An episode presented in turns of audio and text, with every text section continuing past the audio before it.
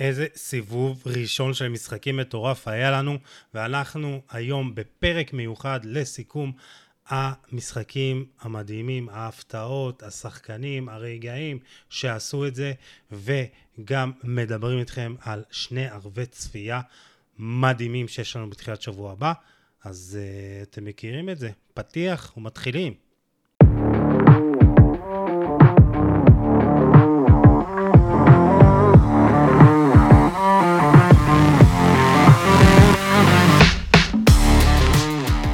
ברוכים הבאים לפרק איחוד כוחות מטורף לסיכום הסיבוב הראשון של משחקי המונדיאל. ניסים חליבה, דסק הכדורגל, נועם ברדה, מדף קריסטיאנו רונלדו בישראל, ואנוכי יוסי עדני, חולה על כדורגל. והיום אנחנו מסכמים לכם את המחזור המשחקים הראשון, המטורף, המשוגע והבלתי נתפס הזה במונדיאל, וגם מספרים לכם על ערבי הצפייה האדירים שצפויים לנו בתחילת שבוע הבא. אבל קודם כל נגיד לכם שלום. ניסים חליבה, מה העניינים? מה קורה? אני יודע, קשוח המונדיאל הזה. ארבעה ימים, ארבעה משחקים ביום, אתה יודע, אתה לא מוצא את הרגליים ואת הידיים. קשוח, קשוח. אה, כן, כן, אני רואה את זה, אתה יודע, לפעמים אה, מוציא את הילדה מהגן, ואז ככה בטלפון בקטנה, זה כאילו, זה תופס לך את כל היום. מצד אחד זה טוב, המשחקים בשעות נורמליות, לא איזה שתיים בלילה. מצד כן. שני, זה ככה, אתה צריך אה, קצת אה, לחיות. אה, נועם ברדה, מה העניינים? וואלה, בסדר, טוב, טוב להיות פה שוב. כן, ואתה מרוצה היום. אני מרוצה מהתוצאה, לא מרוצה מהדרך. אני חושב שכל מי שראה היום את פורטוגל, בעצם כל הבעיות פחות או יותר שדיברנו עליהן בפרק ספיישל של פורטוגל, ראינו אותם היום. זה נחמד נגד גאנה וזה מדאיג מאוד להמשך. תכף נדבר על המשחק נגד אורוגוואי, ושם אה, נכון, סיפור נכון. אחר לגמרי. אה, אני לא יודע איך יש לך שחקן כמו רפה לאהו ואתה משאיר אותו על הספסל, זה כאילו, זה לדפוק את הראש בקיר, כאילו זה, זה בעיה, זה בעיה, לא אנחנו ברור. נדבר על זה בהרחבה.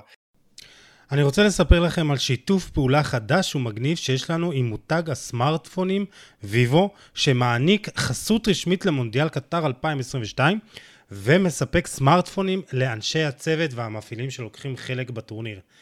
ענקית הסמארטפונים ויבו נבחרה להיות נותנת חסות רשמית של גביע העולם מכדורגל 2022 שמאורגן על ידי פיפ"א כמובן והסמארטפונים של המותג הם הסמארטפונים הרשמיים של פיפ"א וכל אנשי הצוות המארגנים ועובדי התחרות השתמשו בהם כטלפון הרשמי של הטורניר המכשירים המתקדמים משמשים את כולם שם בהכנה, בהפקה, בניהול ובסיכום האירועים, כולל הזנת נתונים וביצוע משימות ישירות ללא תלות במחשבים או באביזרים אחרים.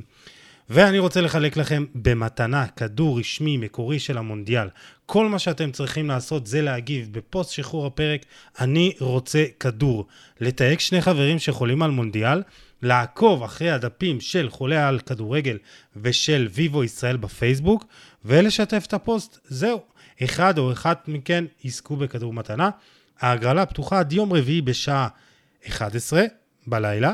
ושמו של הזוכה או הזוכה יפורסם ביום חמישי בשעה 12, וזו רק ההתחלה, יש לנו שיתוף פעולה מגניב, אני מחלק פרסים קטנים יותר, וגם פרס שווה במיוחד בקרוב. אז uh, תעקבו, ויאללה, בואו נתחיל בפרק. כן, אז אנחנו נדבר, uh, אז אני אסביר, אני אסביר ככה למאזינים שלנו מה אנחנו עושים. אה, קודם כל אני רוצה אה, להסביר לכם על ערבי הצפייה, אחרי זה נסכם באופן כללי את הסיבוב הראשון, ואחר כך נשים דגש על שני משחקים הכי גדולים אני חושב של שלב הבתים, ספרד נגד גרמניה שמקבל עכשיו אה, משנה תוקף הרבה יותר רציני, וגם פורטוגל נגד אורוגוואי.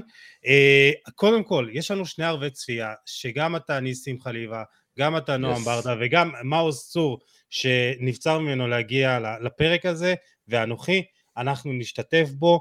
אה, שבוע הבא יש לנו שני ערבי צפייה בהפקתו של שי רבין האלוף, ואם הייתם כבר בערבים שהוא אה, ארגן, אתם יודעים שזו הולכת להיות הפקה מטורפת. אה, נועם, גם אתה השתתפת אה, לפני כן, אה, בערב צפייה, נכון? של שי. היה היה נחמד. כן, יצא לי לעשות את ההרצאה שלי בנושא של ריאל מדריד, זה היה לפני גמר ליגת האלופות, שם זה היה משהו אחר לגמרי, כמעט 1,200 אנשים. כן. לגמרי, שי מפיק אירועים ברמה הכי גבוהה. אז אני וניסים היינו בהפקה של שי הצנועה יותר באנגר 11 בסופרקאפ האירופי בתחילת השנה, והיה מדהים, אני חושב, ניסים, זה היה, זה היה גדול. עבורנו. כן, כן, זה, זה היה תענוג, זה היה נחמד לבוא ולדבר עם אנשים ככה בגובה העיניים ולא מהמסכים, אתה יודע, זה תמיד כיף. וגם היה, היה אחלה פאנל, ואחלה מקום, אחלה הפקה. כן, קיצר, אם אתם מאזינים ואין לכם אה, תוכניות לצפיית המשחקים האלו, יש לנו שניים במספר, אז uh, תגיעו, תגיעו, יהיה כיף. אז, אז כמו שאמרתי, יום ראשון ספרד נגד גרמניה, ויום שני פורטוגל נגד אורוגוואי במועדון האטלנטה בתל אביב, רחוב שאול המלך, שתיים. אנחנו נפגשים בשעה שמונה, בשמונה ורבע יושבים ארבעתנו לפאנל פרשנים מקצועי, אנחנו נדבר, נתקשקש קצת, נחלק צ'ייסרים, שאלון, יהיה מגניב, יהיה אה, מרענן, ובתשע אנחנו רואים את המשחקים. אה, בפוסט שחרור הפרק בכל פלטפורמה יעלה גם אצלך ניסים, גם אצל נועם, גם אצל מעוז וגם כמובן אצלי בחולה על כדורגל. יש לינק להרשמה אז תיכנסו ותירשמו, זה שווה, אה, מספר המקומות מוגבל. אה, וזהו חברים, בואו נתחיל לסכם את מה שהיה. מה? נגמר הפרק? זהו, אפשר ללכת, אפשר ללכת, מאוחר. זהו, כן, כן. אנחנו מקליטים לכם את הפרק ב-11 וחצי אה, בלילה ביום חמישי, אז אה, תאריכו. אה, היה לנו חשוב לעשות את זה, גם ככה סיבוב של הסיכום הסיבוב, וגם אספר לכם על האירועים האלה, אז חבר'ה, בכל מקרה יש לנו פאנל מגניב, תבואו, יהיה אחלה, וגם עכשיו פאנל מצומצם יותר. טוב, סיפור הסיבוב שלכם, ניסים חליבה, מה סיפור הסיבוב. שלך? יש כל כך הרבה סיפורים מגביע העולם הזה, חלקם משעשעים, אתה יודע, היום ראיתי ציוץ של מישהו שאומר, אתם חושבים שלמקומות ריקים, אבל אלה הקטרים בחליפות שלהם, הוא עשתה אשכרה קולט של הקטרים בחליפות שלהם, זה פשוט קורה. כן, כן, כן, שמתי לב לזה היום במשחק האחרון. רק עכשיו שמתי לב לזה, אבל אתה יודע, יש פה כן, כל כך הרבה סיפורים, קודם כל ההוראה המבורכת בעיניי של פיפ"א לשופטים, להחשיב את הזמן של שחקנים שנופלים, נפצעים, מתגלגלים, חילופים, וואטאבר, אתה יודע, יש לנו עכשיו אה, שלוש פעימות וחמישה חילופים במשחק, זה משמעותית יותר ארוך, ושופטים ככה עד היום, עד הגביע הזה, החליקו את זה מתחת לרדאר, ופתאום אתה רואה משחקים שאתה אומר, אוקיי, וואלה, יש משחק, אז אה, שבע דקות תוספת, עשר דקות תוספת בעיניי. וגם תוספת נכון, על התוספת. כן, כן, זה, זה נראה מעט מוזר, אבל בשנייה שנתרגל לזה, אתה יודע, כאילו זה או זה, או לעצור את השעון כמו, כמו בפוטבול. אז אם אתה לא עוצר את השעון כמו, כמו בפוטבול, אני חושב שזו החלטה מבורכת.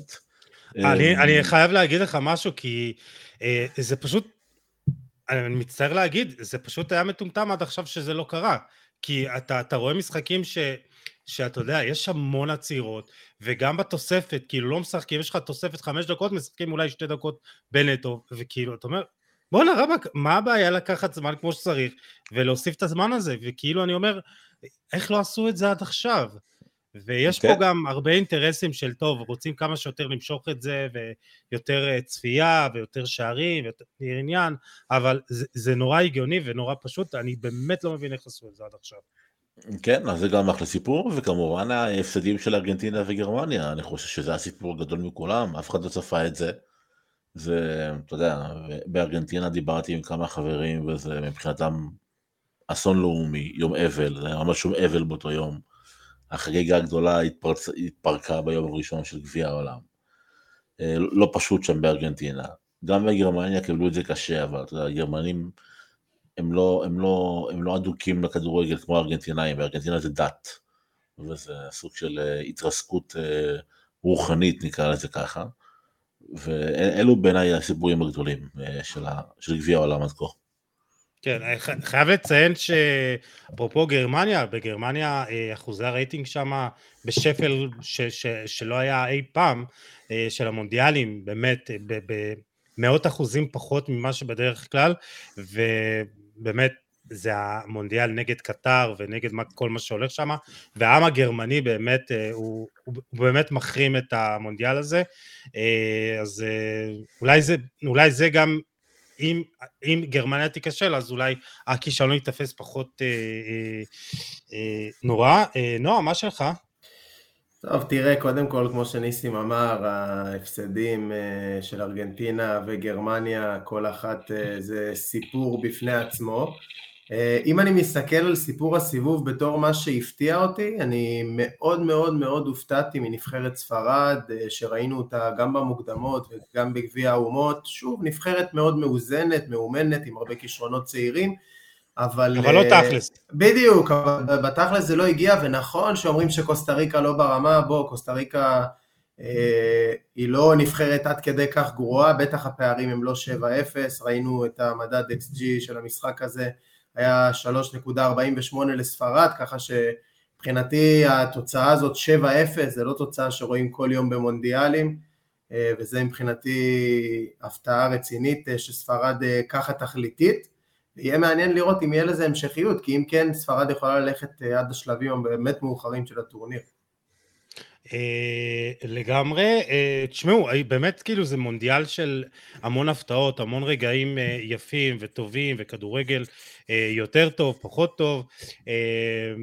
אני מאוד התרשמתי מנבחרת סעודיה, ואומנם אם דיברת על XG, ה-XG שלה היה 0.14 וכאילו אתה אומר, איך אתה, אתה שובר את הטלוויזיה ואם זה היה משחק manager, אז היית עושה restart, מוחק את המשחק ולא משחק בזה יותר. מי שמשחק ultimate רגיל. כן, ו... ואתה אומר, אבל גם ב-1-0 ראית את אה, סעודיה לוקחת סיכונים, וראית את, אה, היא משחקת עם קו הגנה גבוה, ויכולת להעריך את האומץ שלה, את האגרסיביות ואת הנחישות, אה, וללחוץ גבוה, ולקחת סיכונים במשחק, ובסוף זה הסתדר, ואתה יודע, זה יכול גם היה ללכת לכיוון אחר לחלוטין, אבל היה אפשר, וזה באמת אחד הסיפורים אה, הגדולים. אה, אני אקח אתכם, אתה יודע, לגיירמו אוצ'ואה, אה, שחקן, שוער מקסיקו, השוער ש... מהשחקנים האלה שמופיעים פעם בארבע שנים, בדיוק באתי להגיד. אתה באמת לא יודע מה קורה, מה, מה קורה איתם, ו, ובאמת אתה, זה לקחת פנדל לרוברט לבנדובסקי, וזה באמת לא דבר של מה בכך, כי רוברט לבנדובסקי אחד הבועטי הפנדלים הגדולים ביותר והטובים ביותר, ואתה לוקח את זה, וזו באמת הייתה עצירה. הוא עולה לדרגת אל עכשיו, אני חושב, במקסיקו, אבל אני חושב שזה גם מה שמשאיר את ארגנטינה בחיים. לגמרי. ועושה את הבית הזה הרבה יותר חי. אה, ונצפה לסיבוב שני של משחקים אה, לוהט במיוחד, אה, גם גרמניה, ספרד, אנחנו נדבר על זה בהמשך, אבל גם ארגנטינה, אה, ובאמת זה, זה מונדיאל טוב. ניסים, אתה, מבחינת הכדורגל, אתה נהנה? אתה חושב שהכדורגל זה כדורגל טוב עד עכשיו? שנייה, אני, אני קודם כל עושה כזה חזרה אחורה, כי יש מצב שהסיפור הגדול ביותר של גביע העולם זו הפציעה של נאמר, עכשיו אני קורא ש... מדובר ככל הנראה בנקע בקרסול. וואו. וואו, וואו, וואו. כן. אה, קרסול לא- הפרוח. זה טרגדיה אם זה באמת ככה, זה לא רק אם סיפור. זה, אם זה באמת ככה, זה טרגדיה. אני מודה שאני לוקח את המידע הזה עכשיו מדף טוויטר שאני לא כל כך מכיר, אבל הוא מאושר בוי כחול, והוא עם הרבה עוקבים מברזיל, זאת אומרת ש... אה, בוא, בוא נראה, זה עדיין מוקדם, אבל זה נראה שהוא קיבל שם חבטה לא, לא, לא פשוטה בקרסול. אה, נקווה שזה משהו, סתם, שזה יעבור מהר, כי זה נאמר ומגיע לו טורניר גדול. אה, במשחק הזה הוא חטף וחטף, תשע עבירות נעשו עליו, שני כרטיסים צהובים.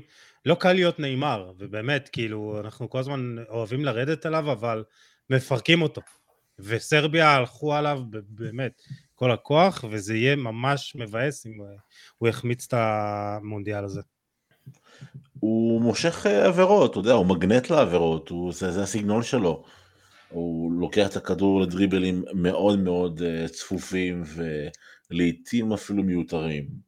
זה נאמר, לטוב ולרע. נקווה שזה לא, שזה לא קיצוני, שזו פציעה יחסית שתעבור תעבור מהר. אולי משחק אחד בחוץ וזה בסדר מבחינת ברזיל.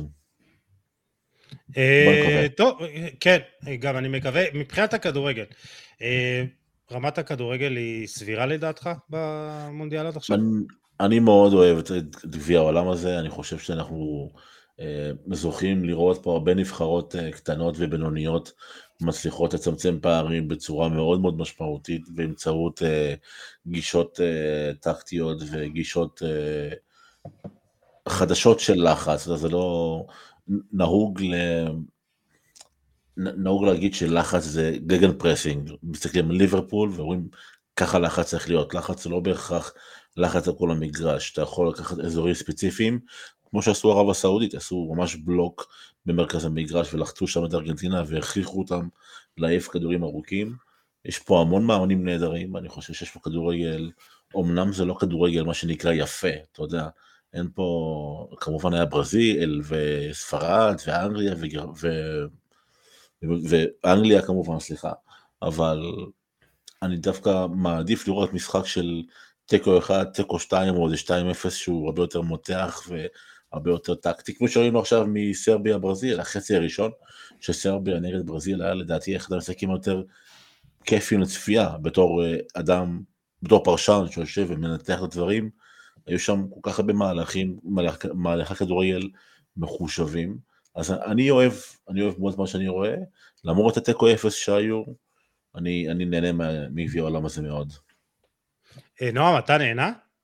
תראה, זה גביע עולם אחר אה, לגמרי מכל מה שהורגלנו אליו, זה לא רק אה, נערך במדבר ולא רק נערך באמצע העונה, שדרך אגב זה הרבה נקודות אה, יתרון לנבחרות הקטנות יותר דווקא, אנחנו רואים את השחקנים אה, שמשחקים, אה, שלא היו צריכים לעבור את אה, רצף המשחקים המטורף ששוחק בחמשת הליגות הבכירות של אירופה, מגיעים הרבה יותר רעננים. אה, וזה משפיע אה, גם על המגרש וגם אתה רואה את זה הרבה בתוצאות. אני מתחבר למה שניסים אומר אה, ברמה הטקטית, אנחנו רואים הרבה חידושים בהרבה נבחרות, ולי באופן אישי יצא לצפות ככה בין לבין גם במקסיקו פולין שהיה 0-0 וגם בדנמרק טוניסיה שהיה 0-0 ואי אפשר להגיד שזה 0-0 שאתה נרדם מול הטלוויזיה, היה כדורגל קצבי, כדורגל טוב, אקשן, מהלכים, ובאמת המונדיאל הזה עד עכשיו כן עולה על הציפיות. אה, מה שכן, אנחנו רואים את הכדורגל מאוד מאוד מאוד שמרני. אה, האוהד הניטרלי שבא לראות מה שנקרא תצוגה והצגה, יכול להיות מעט מאוכזב בעיניי, למרות ששוב, כשאתה מסתכל על זה ממעוף הציפור ובוחן את הדברים לעומק, אתה מבין שהכדורגל שמשוחק הוא כדורגל נהדר. ואני מאמין שככל שהטורניר יתקדם, אה, אנחנו נראה גם כדורגל אה, יותר אה, פתוח, כי לנבחרות לא תהיה ברירה. נבחרות עם הגב אל הקיר כמובן, נבחרות שצריכות להשיג את התוצאה הדרושה וכו' וכו'. שחקן אחד, קבוצה אחת, נבחרת אחת שאתם רוצים לציין לטובה או לרעה, ניסים? אמ, אני אנסה קצת להפתיע, לא, לא ללכת על ה-OVS, לספרד וכאלה. אני אלך על מרוקו דווקא, אני ראיתי את המשחק של מרוקו, טוב, א' ראיתי את כל המשחקים של, גביע העולם, שזה קצת פסיכוטי, אבל זה מה יש. אמ, המשחק של מרוקו נגד קרואטיה, אומנם זו קרואטיה יחסית חדשה, זה לא, לא הנבחרת שהגיעה לגמר אה, גביע העולם 2018, אבל עדיין זו נבחרת מאוד איכותית, אבל מרוקו הייתה לרגעים ארוכים מאוד במשחק עדיפה עליהם, גם עם עזראוי בשמאל, שזה ההברקה של המאמן המרוקאי, גם חכימי היה נפלא. סופיאן אמרבת. גם מזרעוי... כן, סופיאן אמרבת עשה עבודה נהדרת במרכז המגרש. באמת אהבתי לראות את מרוקו, לא, לא שוב, לא, לא כחבורה שעושה אה, מהלכים אה, התקפיים יוצאי דופן ותבניות התקפה מורכבות, אלא כחבורה שיודעת בדיוק מה היא צריכה לעשות בשביל לנטרל את היריבה ולהשתוות אליה, ואני חושב שמרוקו היא הפתעה אה, מרעננת, ו... אם חכים זייח טיפה, טיפה יתאפס במשחק הבא, מרוקו יוכל להיות פה הפתעה אה, מאוד אה, נעימה. יכולה להפתיע את בלגיה, אני, אני רואה את זה. בלגיה לא, לא מרשימה לא בעליל. לא מרשימה בכלל. כן. בכלל, כן. ואפרופו אם כבר הזכרת את בלגיה, צריך להגיד את, אה, להזכיר את מה שקווין דה בריינה אמר אחרי המשחק, הוא נבחר לשחקן מצטיין, הוא אמר שאני לא, לא מבין למה, למה קיבלתי את התואר הזה, אולי בגלל השם שלי, אבל לא הגיע, קנדה הייתה יותר טובה, ואת האמת, אתם, כאילו, זה מדהים איך uh, החלטה אחת או פעולה אחת של שחקן משפיעה על, שחקן, על משחק שלם וראינו את אה, החמצת הפנדל של אלפונסו דייוויס וקנדה באמת הייתה יותר טובה, קנדה הייתה ראויה לתיקו ואפילו יותר אה, ואולי, לא יודע מה, באמת הניצחון הזה קצת יעורר את הנבחרת הבלגית אבל היא לא הרשימה אותנו, אותי בכלל אה, נועם, אתה רוצה גם ללכת לכיוון של אה, ניסים, הפתעת הטורניר שלך עד עכשיו? או אני... פריסטייל, מי אתה רוצה לציין? שחקן או נבחרת? מאוד מאוד מאוד הופתעתי, באמת ברמה של, אה, בוא נגיד ככה, ארגנטינה עם ההיסטוריה שלה במונדיאלים, למרות שבעיניי היא עדיין אה, בעיניים שלי הפייבוריטית לשחייה, למרות ההפסד, אבל עדיין כשהם נכנסים לפיגור אנחנו רואים הרבה פעמים נבחרת אחרת, ופחות הופתעתי מזה שהכל התפרק להם בכמה דקות אה, נגד ערב הסעודית, לא שזו לא סנסציה, זו סנסציה אדירה, אבל מבחינת האופי אה, של הנבחרת וההיסטוריה במונדיאלים האחרונים, זה לא, לא כל כך הפתיע אותי. מה שכן הפתיע אותי, ודווקא אחרי טורניר שהיא מגיעה, אחרי שהיא הודחה בו בשלב הבתים, זו נבחרת גרמניה. אה, ופה אני גולש למי שבאמת הפתיע אותי גם בכדורגל שלה, מאוד טכני, מאוד זריז, מאוד מהיר, זו נבחרת יפן. נבחרת יפן נכנסת לפיגור מול נבחרת גרמניה, אה, וזה לא שגרמניה מתבטלת על המגרש, היא מגיעה למצבים, ראינו את גונדוגן פוגע שם בקורה, ראינו אותם מגיעים לעוד כמה מצבים, ובאמת היפנים לא מורידים ראש, לא מתבטלים מול נבחרת שעל הנייר היא כמה וכמה רמות מעליה, גם ברמת האינטנסיביות, גם ברמה אה, של השחקנים, וראינו את הנבחרת הזאת חוזרת משום מקום עם כדורגל קצבי, כדורגל נהדר, ולך תדע מה עוד יפן יכולה לעשות בטורניר הזה, היא פותחת את הבית הזה לחלוטין, ברמה שהיא אפילו יכולה לטרוף את כל הקלפים אה, לגרמניה כבר במשחק, כבר במחזור השני, זה יהיה פשוט סיפור מטורף. מה, מה, מה הכי מדהים בכדורגל היפני? הכי מדהים בכדורגל היפני שעד 1991 הליגה שם הייתה חצי מקצוענית ברמה של ליגה ג' בישראל, שתבינו את, את, את הגודל של השינוי שהם עשו ב, בשניים שלושה עשורים האחרונים, הם פשוט לקחו אומה כדורגל שלא הייתה קיימת, חובב, כאילו ברמה של כמעט חובבנים, והרימו שם קומפלקס משוגע מהליגה היפנית ואחרי זה ייצוא מסיבי של שחקנים יפנים לאירופה, אה, שני הכובשים של יפן הם שני שחקני בונדסליגה, אה, כדורגל התקפי, יעיל, אה, שמח אפילו, אתה יודע, זה היה כיף לראות את יפן. אני, אני חושב שכל מדינה צריכה להסתכל על מה שיפן עשתה ב, בשניים, שלושה עשורים האחרונים, ופשוט להעתיק. Uh, מגיע לה באמת uh, שאפו והיא גם הפתיעה אותנו במונדיאל הקודם, אם אתם זוכרים, באמת uh, מתחה את בלגיה עד שניות הסיום. אני רציתי לדבר על פורטוגל, אבל אני אשאיר את מה שיש לי להגיד על, על, אחר כך. אני דווקא אלך על אנגליה, ואני חושב שמה שהפתיע אותי זה שהיא כבשה שישה שערים. ואחד הביקורות שלנו על אנגליה בתחילת הטורניר, עוד לפני שהתחיל, אה, זה שגארת' סאות'גייט אולי אה, בדומה לפרננדו סנטוס לא באמת מבין את הכמות הכישרון והאיכות שיש לו בסגל והוא מתעקש במרכאות לשחק כדורגל אה, אה, קצת יותר קשה לצפייה וראינו נגד איראן את אנגליה די מפרקת אותה עם אה, שישייה ועם בוקאיו סאקה שהוא נפלא וג'וד בלינגהם אדיר ואפילו הארי מגווייר אה, בישל שער ורחים סטרלינג ואפילו ג'ק גריליש כובש. אה, אז, אז יש לאנגליה המון פוטנציאל לשחק כדורגל הרבה יותר טוב ממה שהיא הייתה, ממה שהיא הרגילה אותנו, אה, ואולי השישייה הזאת תיתן לה קצת איזה, גם לגארת' סאות'גייט אה, את הביטחון שהוא יכול לשחק קצת יותר אה, פתוח ובצורה שהוא מעז יותר, אז אני באמת נרגש מה, מה הולכים לראות מאנגליה בהמשך הטורניר, ואולי גם יכולה ללכת עד הסוף. בקצרה, מה אנחנו נראה בסיבוב השני, ניסים? אה, לפני הסיבוב השני אני חייב להגיד משהו על אנגליה ולעשות מזה מעין איזה מיני מיני אייטם ברשותך. אה, הספורט הכי פופולרי זה להגיד למה. למה הוא עושה ככה, למה הוא עושה ככה, למה השחקן הזה לא משחק, למה המערך הזה, למה הגישה הזו.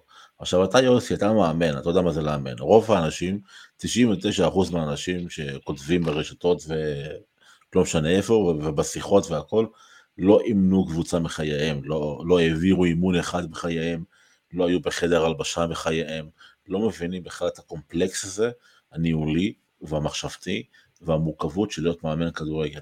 אני מעריך מאוד את גארת' סאות'גייט על הבחירה שלו בהארי מגווייר, כי הוא מאמין באיש הזה, הוא בוטח בו, והוא יודע שהוא מנהיג מבחינת הקבוצה האנגלית. אני מעריך את פרננדו סנטוס על זה שלמרות שכולם אומרים שהוא שמרן, ונכון הוא שמרן, זו הגישה שלו. כמו, כמו בפוליטיקה, גם בכדורגל יש גישות, יש גישה שמרנית, יש גישה הרפתקנית. פרננדו סנטוס הלך על הגישה השמרנית, ולפני המשחק אה, שמענו את כל הצקצוקים של איפה לאהו, איפה לאהו, איפה לאהו. למאמן כדורגל יש תוכנית. זה לא פיפא, זה לא manager, הוא לא יכול לבוא, לשים את כל הכלים ההתקפיים שלו, ומה שיהיה יהיה.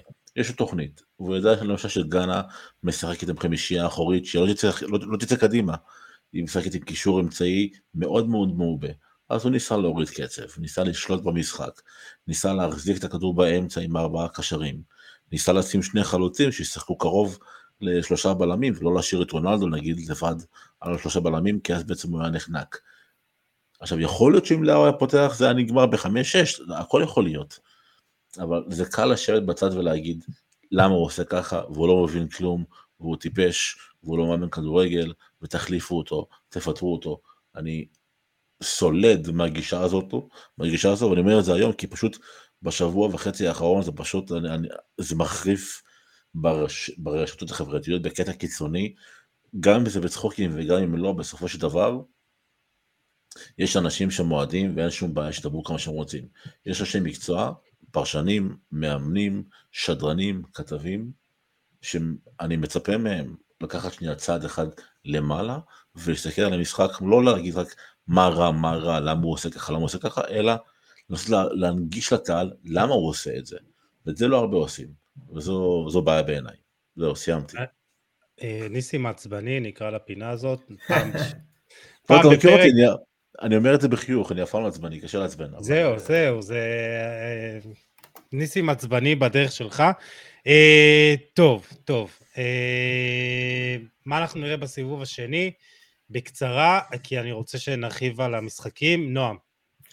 תראה, בסיבוב השני אנחנו קודם כל נראה כדורגל בעיניי הרבה יותר פתוח, עכשיו יש אה, תמונה מאוד מאוד ברורה בהרבה מהבתים, נבחרות יודעות, אה, אם במשחק הראשון ראינו גישה יותר מהוססת, יותר שמרנית, 0-0 או 1-1 אה, זו תוצאה שהתקבלה ככה בזרועות פתוחות, אצל הרבה מהנבחרות נמצאות במצב שהן חייבות לנצח, נדבר לצורך העניין בבית של ארגנטינה, ארגנטינה, מקסיקו ופולין חייבות את הנקודות אה, כדי להמשיך לחלום בטורניר הזה, גרמניה תשחק נגד ספרד חייבת נקודות. אה, ושוב המצב בבתים אה, פחות או יותר ברור אה, והנבחרות יודעות על מה הן צריכות לשחק ואיך הן צריכות לשחק אז אני חושב שאנחנו נראה הרבה פחות גישושים והרבה יותר כדורגל אה, וזו הציפייה שלי לסיבוב השני. ניסי מסכים עם נועם? אה, דווקא נראה לי שיהיו הרבה יותר לחוץ, יהיו, יהיו מלחמות עולם, אתה יודע, וכל כל נבחרת יודעת שכל טעות שלה, תראה את ארגנטינה, טעתה פעמיים. שוב, ארגנטינה צריך לזכור, כמו שאמרת כבר, היא ספגה שתי בעיטות המסגרת וספגה שני שערים. זה היה פשוט כאילו קטסטרופה טוטאלית. אמ, אז על כל טעות אתה משלם מגביע העולם ואין לך זמן לתקן, כי זה בסך הכל שלושה משחקים בבית הראשון. אה, אז אני חושב שמצד אחד קבוצות, כמו שנועם אמר, יבואו עם הרצון לנצח ועם החובה לנצח, כי אם ארגנטינה למשל, או גרמניה לא מנצחות את המשחקים הבאים, הן חוזרות הביתה בבושת פנים. אבל מצד שני גם יהיה הפחד, הפחד יקונן מאחורה, ושימו לב, רוב המשחקים מתחילים להיפתח בדקה ה-60. דקה ה-60, אה, כל מאמן מסתכל על המשחק, כמו היום לצורך העניין, בשנייה שעה שעה שקריסטיאנו רונלדו הגיע, המאמן של נבחרת גאנה פתח את המשחק, וממשחק של 70% פוזיישן של פורטוגל, זה הפך להיות משחק של קוסט טו קוסט. ומהדקה 65 עד הסיום ראינו חמישה שערים, שזה, זה, שזה לא ראינו כלום לפני זה. זאת אומרת, התנודות הכי קטנות משנות את כל הדינמיקה של המשחק, ולכן אני חושב שבמיוחד במשחקים שאנחנו נארח, פורטוגל תבוא מאוד זהירה, ואורוגוואי יבואו לרצוח מהדקה הראשונה, וספרד תבוא עם ביטחון מלא, וגרמניה חייבת להוכיח שהיא שווה שלוש נקודות כי היא חייבת אותם, אלו הולכים להיות שני מפגשים סופר סופר מרתקים, וגם ארגנטינה מקסיקו. זה שבת, ראשון, שני, שלושה משחקי גמר בשלב הבתים, שזה מטורף. אה, אני מסכים איתכם, אני אה, אגיד לכם מה אני לא רוצה אה, לראות בסיבוב השני וזה פציעות של שחקנים, לא דיברנו על זה אבל הפציעה של, של לוקאס הרננדס, עזבו שזה עשה אולי טוב מקצועית לנבחרת כי תאו אח שלו פנטסטי ואני חושב שהוא צריך להיות בחירה ראשונה אבל לוקה, לוקאס הרננדס בעצם סיים את העונה פציעה בברך אה, הוא קרא את, את הרצועה הצולבת בברך ימין, וזה בעיה אצלו, כי הוא, אה, זה פציעה שנייה בברך הזו, ויש לו גם ברך שמאל, הוא, הוא קרא שם רצועה צידית, אה, אז ככה שמאוד מאוד קש, כואב לי עליו, ומאוד קשה באמת בטורניר הזה, שאנחנו יודעים שהוא בא אחרי תקופה מאוד עמוסה של משחקים, בעצם נדחסו אה, יותר משחקים נכנסו, אה, נדחסו לפחות זמן אה, ועכשיו אנחנו רואים שבאמת כאילו אין, אין הרבה זמן בין משחק למשחק אז אני מאוד מקווה שלא נראה פציעות רציניות אבל אנחנו רואים את זה. כבר עכשיו ניימאר עם, עם הקרסול שלו ונוסייר מזראווי אנחנו רואים המון פציעות וברח לי עוד שחקן שקרע את ה hamstring. אולי תגידו לי ככה את השם שלו. אה, לא משנה, אבל בכל מקרה אני מאוד מקווה שלא לא נראה פציעות אה, משמעותיות, אבל אני, אני בספק אם זה, אם זה יקרה. אה, דיברנו על זה המון, אבל באמת חבל לי. טוב, כמו שאמרתי, אנחנו נתקדם, אנחנו חייבים, נרחיב כמובן על המשחקים בערבי צפייה, ומתחילים עם המשחק ביום ראשון, ספרד נגד גרמניה, גרמניה כמובן מפסידה 2-1 ליפן, ספרד מרסקת את אה, קוסטה ריקה. אה, נתחיל לדבר על אה, גרמניה ברשותכם, וזה מצחיק כי שתי הנבחרות הפייבוריטיות שלי, ארגנטינה ואז גרמניה הפסידו 2-1, אז כנראה שאני לא מבשר טובות. השלישית הייתה ברזיליה, אז לפחות היא ניצחה. הפתיע אותי, ניסים, זה באמת הפתיע אותי, כי, כי הייתי בטוח שגרמניה מגיעה עם אנסי פליג, תהיה תשטוף את המגרש, כאילו אמרתי אם בבית הזאת נבחרת אחת לא תעלה גדולה, זאת תהיה ספרד, והתבדיתי כאילו בצורה בלתי רגילה. מה לא עבד אה, לגרמניה במשחק הזה? זה יישמע מאוד קלישאתי, אבל הפעולה האחרונה, גרמניה לא שיחקה כדורגל רע, זה לא היה משחק של ארגנטינה. ארגנטינה שיחקה רע, מפוזר, מבוהל, all over the place. גרמניה שיחקה כדורגל טוב, ובחצי הראשון היה לה, אם אני זוכר נכון, 1.62 שערים צפויים, בחצי שני 1.58 שערים צפויים, משהו כזה. זאת אומרת שהיא עשתה פעולות טובות בחצי הראשון, היא עשתה פעולות טובות בחצי שני, הבעיה שלה הייתה בסופו של דבר, הייתה, היו, היו שתי בעיות, אחת היא לא הייתה קלינית, שזה לא בדיוק בעיה, זה פשוט כורח הנסיבות, שחקנים לא היו מספיק מדויקים, וזה בעצם הפך אותה ל... לכך שהיא ידעה ביתרון של שער אחד עם שער מפנדל, בדיוק כמו בארגנטינה אגב. ובחצי השני, האמת שעוד בחצי הראשון, מה שכן, היה אפשר להרגיש בגישה טיפה אה, רכה, בעיקר בגישה ההגנתית של גרמניה.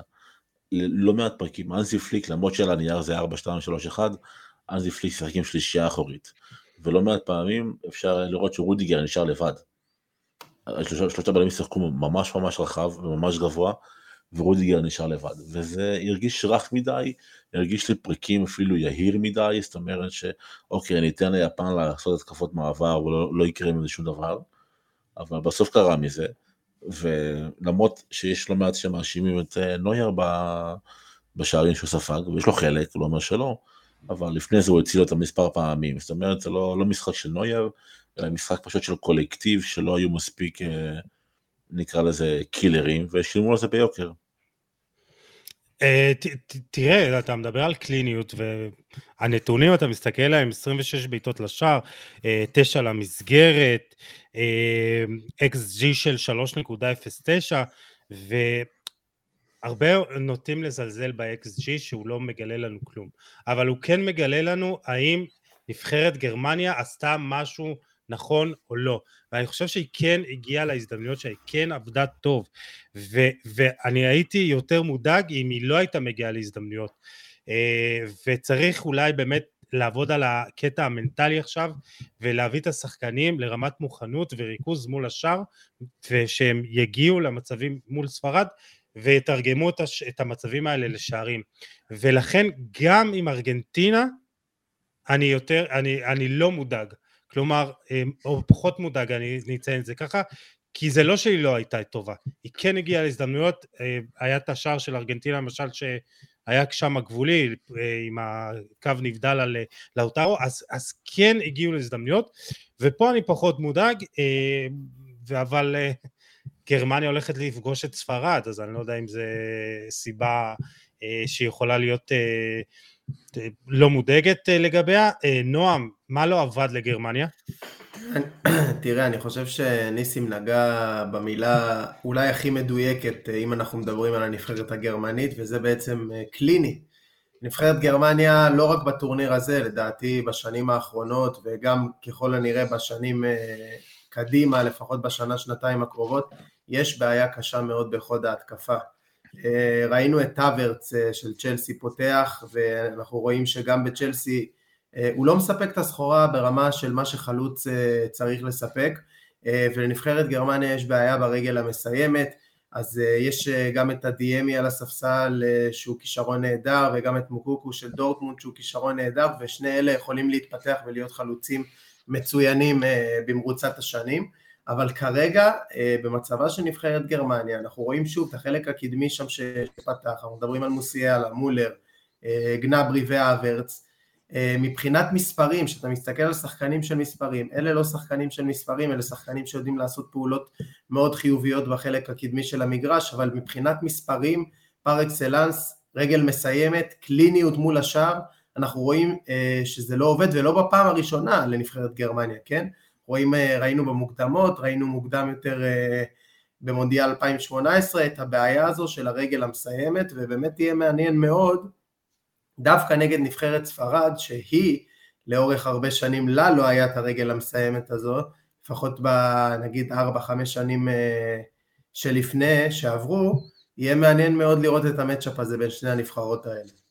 טוב, עוד נדבר על ספרד ואיך היא פתרה את הבעיה שלה במחסור בחלוץ, אבל ניסים, מה, מה גרמניה יכולה לעשות במשחק הבא?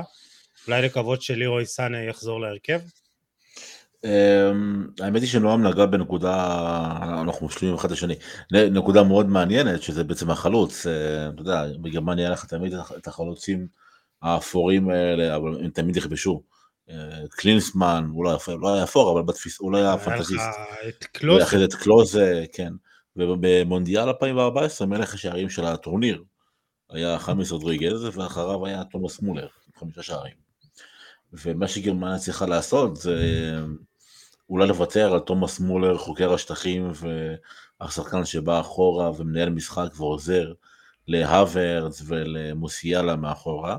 ופשוט להגיד לו חביבי אתה החלוץ שלנו, אתה בשפיץ, כי אנחנו צריכים גולים, והגולים הגולים צריכים להגיע משחקן שיש לו, שוב את המילה הזו, קליניות, ולירוי סאנס שחקן נהדר, וגנברי שחקן נהדר, ומוסיאלה או עילוי, אבל הם שלושתם שחקני, נקרא לזה כף שני, הם לא, הם לא שחקני שפיץ. והשפיץ היחיד בגרמניה כרגע זה תומאס מולר, אז אני חושב שאם גרמניה רוצה להתעלות על עצמה, היא צריכה למצוא את כל הדרכים האפשריות לאיך להפעיל את תומאס מולר, ולא בחלק האחרון של השליש ההתקפי, אלא הכי גבוה לרחבת ה-16, בתוך רחבת ה-16, מול השאר, מולר חייב להיות חיית רחבה, בשביל שגרמניה תעשה גולים, שזה חשוב בכדורגל. אולי, אולי נראה את אה, יוסיפו מקוקו. ילד, שוב, הוא ילד, הוא, הוא ילד, אתה יודע, אתה, אתה, אתה רואה איך שחקנים מנוסים כמו אה, מסי, נאמר, אתה רואה שהם קוראים תחת הלחץ, זה לא משחק ליגה, אתה יודע, זה, זה, זה כל העולם תרתי משמע, מסתכל עליך וכל טעות שלך יש לה השפעה הרת גורל. ילדים יכולים לקרוס פה. בגלל זה אני אומר, מולר הוא הכי מנוסה, הכי, הכי יצירתי בהתקפה, הכי ערמומי, יודע, מכולם. אני חושב שמולר מולר הוא המפתח של גרמניה. כן, טוב, אז אה, לירוי סאנה עדיין לא בטוח אם ישחק ביום ראשון, וכנראה בטח יהיה לנו עדכונים אה, מחר או מחרתיים. אה, טוב, נתקדם לספרד, ולספרד אה, המחסור בחלוץ אה, טבעי אה, נפתר על ידי אה, אה, הצבתו של אה, מרקו אסנסו, דיברת על זה גם בדף שלך, ניסים, נכון? מרקו אסנסו כחלוץ נסוג. אמ, כן. כן, תראה, כי זו השיטה הספרדית, זה לואיס אנריקי, לואיס אנריקי הוא, סוג של לעיים, הוא, הוא ספרדי היברידי, הוא גדל בריאל מדריד, ואחרי זה ינק את ברצלונה, אז הוא סוג של שילוב של שניהם, אה, והוא הופך את ספרד לנבחרת, אה, האמת שאף אחד לא ראה את זה בה, אבל המשחק נגד קוסטה ריקה היה משחק, אה, אין, אין, אין מילים, כאילו זה היה פשוט אחת מתצוגות הכדורגל היפות ביותר שראינו בשנים האחרונות. וזאת, זה הכדורגל הספרדי, זה בדיוק מה שהוא רוצה, זה הכדורגל שמשחקים בשליש ההתקפי, כולם משחקים, כולם תוקפים, אה, אין שחקן שפיץ, כולם עושים את התנועה, מרקו אסנסיו ירד פעם אחר פעם אחורה ופינה שטחים לפרן תורס ודני אולמו וג'ורדי אלבה ופדרי שנכנס לתוך הרחבה, זה היה באמת שירה בתנועה.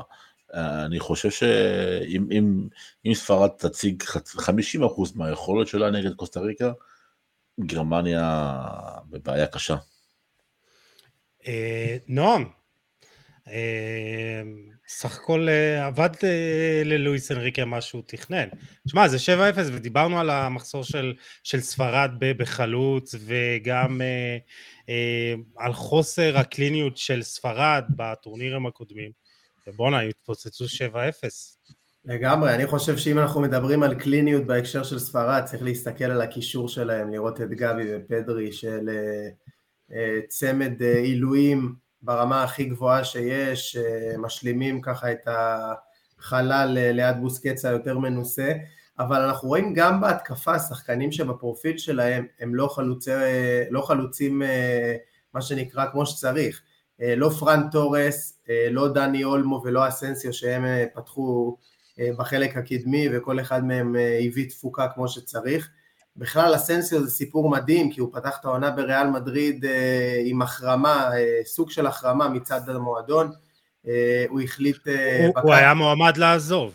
כן, כן, הוא החליט בקיץ לעזוב, לא היו הצעות מתאימות, הוא בסוף חזר בו, הבין שריאל מדריד זה המקום הכי טוב בשבילו, אה, וראינו אותו לאט לאט נכנס אה, ככה, היה חשש מאוד גדול מצידו ומצד הפמליה שלו שבעצם הוא לא יזומן אפילו למונדיאל, כי הוא לא קיבל מספיק הזדמנויות, אבל באמת אה, אסנסיו יש לו איכויות שאי אפשר להתווכח איתן, שזה באמת ההצטרפות הזו להתקפה, וכמובן הדבר שהכי בולט אצלו זה באמת יכולת הבעיטה, יש לו בעיטה נקייה, והשער הזה שהוא כבש, ובכלל כל השירה בתנועה הזו של אה, נבחרת ספרד, המון המון המון המון טכניקה, המון המון המון יצירה, ובאמת, כשאני רואה את ספרד אה, משחקים, אני קורא לזה באמת מסיבת יצירה, ונגד גרמניה, אה, בהנחה והמסיבת יצירה הזאת תימשך, אז הם כנראה בסבירות מאוד גבוהה יכולים לשלוח את הגרמנים מוקדם מאוד הביתה. אז זהו, נדבר על מה שיהיה במשחק עצמו, אני רק חייב לחזור על הנתונים. 82 אה, אחוזי החזקה בכדור, 18 אה, אחוז בלבד של אה, קוסטריקנים, מחצית ראשונה זה 85-15, שערים צפויים 3.53 לעומת 0. קוסטה ריקה לא בעטה לשער פעם אחת, לא למסגרת, לא מחוץ למסגרת, לא מחוץ לרחבה, לא מתוך הרחבה. ספרד עם 17 בעיטות, 8 למסגרת, 978 מסירות מדויקות, 94 אה, אחוזי הצלחה. אה, ניסים, אני רוצה לדבר על הפתעה טקטית אה, אולי נחמדה של רודרי כבלם, כי אנחנו תמיד מדברים על זה שהוא לא קיבל, כשיש לך את בוסקץ אז אתה לא יכול באמת להוציא את בוסקץ מה, מההרכב, ופתאום, אתה יודע, יש לך שחקן כמו רודרי שאני חושב תמיד אני אומר שהוא בוסקץ משופר, משודרג, ופתאום אה, לואיס אנריקה שם אותו כבלם, במקום אריק ארסיה, ש... שלואיס אנריקה שמר, שמר אמונים לארי גרסיה עוד שהוא היה שחקן ספסל במנצ'סטר סיטי. מה, איך ראית את השינוי הזה? החלטה גאונית, אתה יודע, לואיס אנריקי מאמן מאוד מאוד, אה, נקרא לזה, סגור ונעול על הפילוסופיה שלו, והפילוסופיה שלו זה החזקת כדור לפני הכל, ואין שחקן יותר מתאים ממוסקץ לזה, אבל גם רודרי מושלם כמעט בזה, אז אתה לא יכול לוותר עליו. אז האילתור הזה של לשים את רודרי כבלם במשחק שאתה בכל מקרה יודע שהנבחרת שמולך היא נבחרת חלשה והולכת להסתגר, אז אתה מרשה לעצמך להיות הרפתקני, לשים את אה, לפורט, רודרי ובוסקץ באמצע, לשלוח את אספיליקווטה וג'ורדי אלבה למעלה, לתת לפרן טורז ודני אולמו להיכנס פנימה כל בין פעם. בין הקווים ול... כל הזמן. כן, ו... ולהשאיר את הכנפיים פנויים לאספיליקווטה, גבי, ששיחק לפעמים כסוג של מצאלה, וג'ורדי אלבה. אני חושב שזה משחק טקטי מבריק של, של אלוהיס אנריקה, ואפרופו אנריקה, אתה יודע, שני דברים, אחד, אף שחקן לא הצטיין, כאילו אתה לא יכול להגיד שחקן אחד שהיה מעל כולם, כולם היו טובים בספרד ואף אחד לא יצא דופן, זאת אומרת שכולם היו טובים באותה מידה. ושתיים, אני, אני, אני אוהב את הקטע הזה של אנריגה, זה קטע משעשע, שהוא עכשיו עושה טוויצ'ים ומדבר עם הקהל uh, בלייב מהחדר שלו במלון, זה, זה מרענן, זה מראה כמה הוא מחובר לקהל וכמה הוא מחובר לנבחרת וכמה הוא down to earth וכמה זה, המשימה הזו חשובה לו. אני מודה שלא ספרתי את ספרד בהתחלה של הטורניר, אבל אה, אחרי מה שראיתי... אפשר להתעלם. הם, לא הם לא נתנו לנו סיבות לספור אותם, בוא, זה לא שהנבחרת הזאת נכון. הרשימה בצורה אה, מי יודע מה לפני זה. אה, נכון, אבל נכון. אפרופו מספרים, אפרופו מספרים, יש את המספר שבעיניי הוא הכי מדהים, זה בעצם הערב העגום שעבר על קיילור נאבס, היה אחד המצטיינים במונדיאל 2014 והוא ספג שבעה שערים אחרי שבשני הטורנירים האחרונים זה כמות השערים שהוא הוציא מהרשת בכל הטורנירים שהוא שיחק בהם. זאת אומרת בשני המונדיאלים הקודמים אז נראה לי שהוא ישן אה, לא הכי טוב אה, אחרי זה, באמת כאילו אה, זה קטע הזוי לגמרי. אני צוחק כי אני ראיתי איזה סרטון היום בטוויטר של איזה משחק וידאו מ-98 כזה, כולו פיקסלים, ומראים איזה שוער שבועטים לו כדורים, אתה יודע, מ-200 מטר, והוא פשוט נופל על הרצפה ולא מצליח לתפוס, והכותרת של הסרטון זה קלר נאבו, זה היה באמת כאילו מאמלל לראות אותו. זה באמת היה הזוי וגם המספרים אומרים את זה. עכשיו רק נקודה קטנה בקשר למה שדיברנו על אה, רודרי, היה מדהים לראות איך הוא מנווט את המשחק מאחורה, זאת אומרת אנחנו מסתכלים אחרי זה על המספרים, אתה מסתכל על המספרים שלו אחרי המשחק, זה לא מספרים שמישהו שיחק בלם, זה מספרים שמישהו שיחק קשר, זאת אומרת 140 מסירות אה, שמתוכן 137 הושלמו ב-98% דיוק, 144 נגיעות בכדור, כאילו זה ממש כאילו הוא היה על קו האמצע ופשוט אה, נגע בכדור עד שהפסיקו לספור 144, באמת זה היה אה, הברקה נהדרת, מה גם שכמו שדיברתם האופציה של ארי גרסיה היא בעיניי לא האופציה הכי אטרקטיבית שיש אה, בשביל ספרד והקטע הזה הוא קטע נהדר, מעניין לראות אם הוא ימשיך אותו גם נגד גרמניה ששם הכלים ההתקפיים של גרמניה קצת יותר כבדים משל קוסטה ריקה כמובן, אבל אני מאוד מאוד אהבתי את הרעיון הזה, ובאמת יהיה מאוד מעניין לראות אם אה, זה משהו שימשיך הלאה גם. תשמע, לצידו שיחק אה, אמריק לפורט, ולפורט עוד נגע ביותר ממנו בכדור, 158 פעמים, 143 משיחות מדויקות, ואני חושב רק על איזה אה, מטורף זה שיש לך שני בלמים שמניעים את הכדור בצורה פנטסטית, יש לך בילדאפ אלוהי ב... עם הצמד הזה. טוב, בואו נתקדם למה שהולך לה במשחק, נעשה את זה קצת יותר זריז. אה, איזה משחק אנחנו נראה, כי גם אה, גרמניה וגם ספרד החזיקו בכדור בצורה אה, בלתי רגילה, אמרנו ספרד עם 82 אחוזים, גרמניה הייתה עם 74 אחוזים, זה גם נבחרות שאוהבות להחזיק הרבה בכדור, גם ללחוץ וללחוץ גבוה, זה יהיה משחק אה, שקול ניסים? אני חושב שכן, אתה יודע, אני, רואה, אני חושב שמצד אחד יהיה לך את טיקי טקה של אנריקה, ומצד שני אני קורא לזה הפליקי פלקה של אה, פליק, אז אני חושב שזה יהיה משחק מאוד מאוד, אמ, נקרא לזה מרתק ברמה הטקטית. אני, האמת שזה מסקרן לראות אם רודרי יפתח, כי רודרי לא בלם, וזה לא, שוב כמו שאמרת, אה, עם כל הכבוד לקונטררס וג'ואל קמפבל, זה לא קאי האברץ, תומאס מולר, ג'מאל מוסיאלה וכל החבר'ה.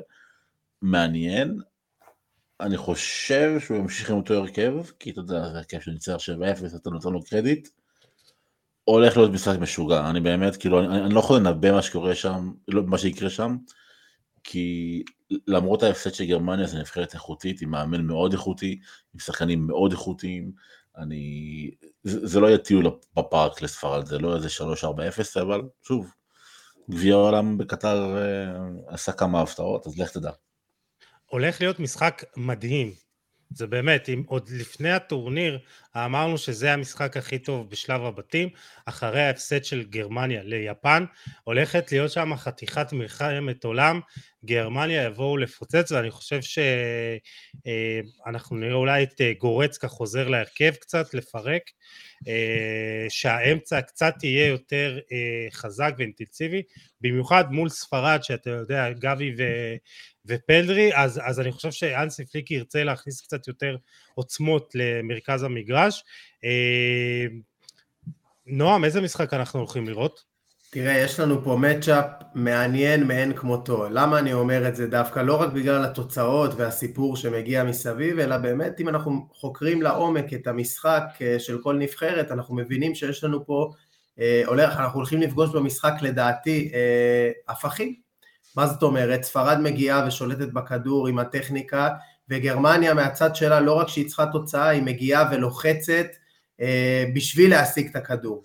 אז באמת יהיה מעניין מאוד לראות איך, ה, כמו שקראנו לזה, המסיבת יצירה, השירה בתנועה של ספרד, איך היא תתמודד עם גרמניה, אה, שהיא לא רק מגיעה, ואנחנו מכירים שגרמניה אוהבת ללחוץ גבוה ולשחק אה, חזק, היא גם צריכה את זה הפעם, והיא יודעת עם הגב אל הקיר, ברמה שהיא מבינה אה, שזה כנראה או הכל או כלום, זאת אומרת קשה לי מאוד לראות איך נבחרת גרמניה ממשיכה הלאה אם היא לא מנצחת את המשחק הזה.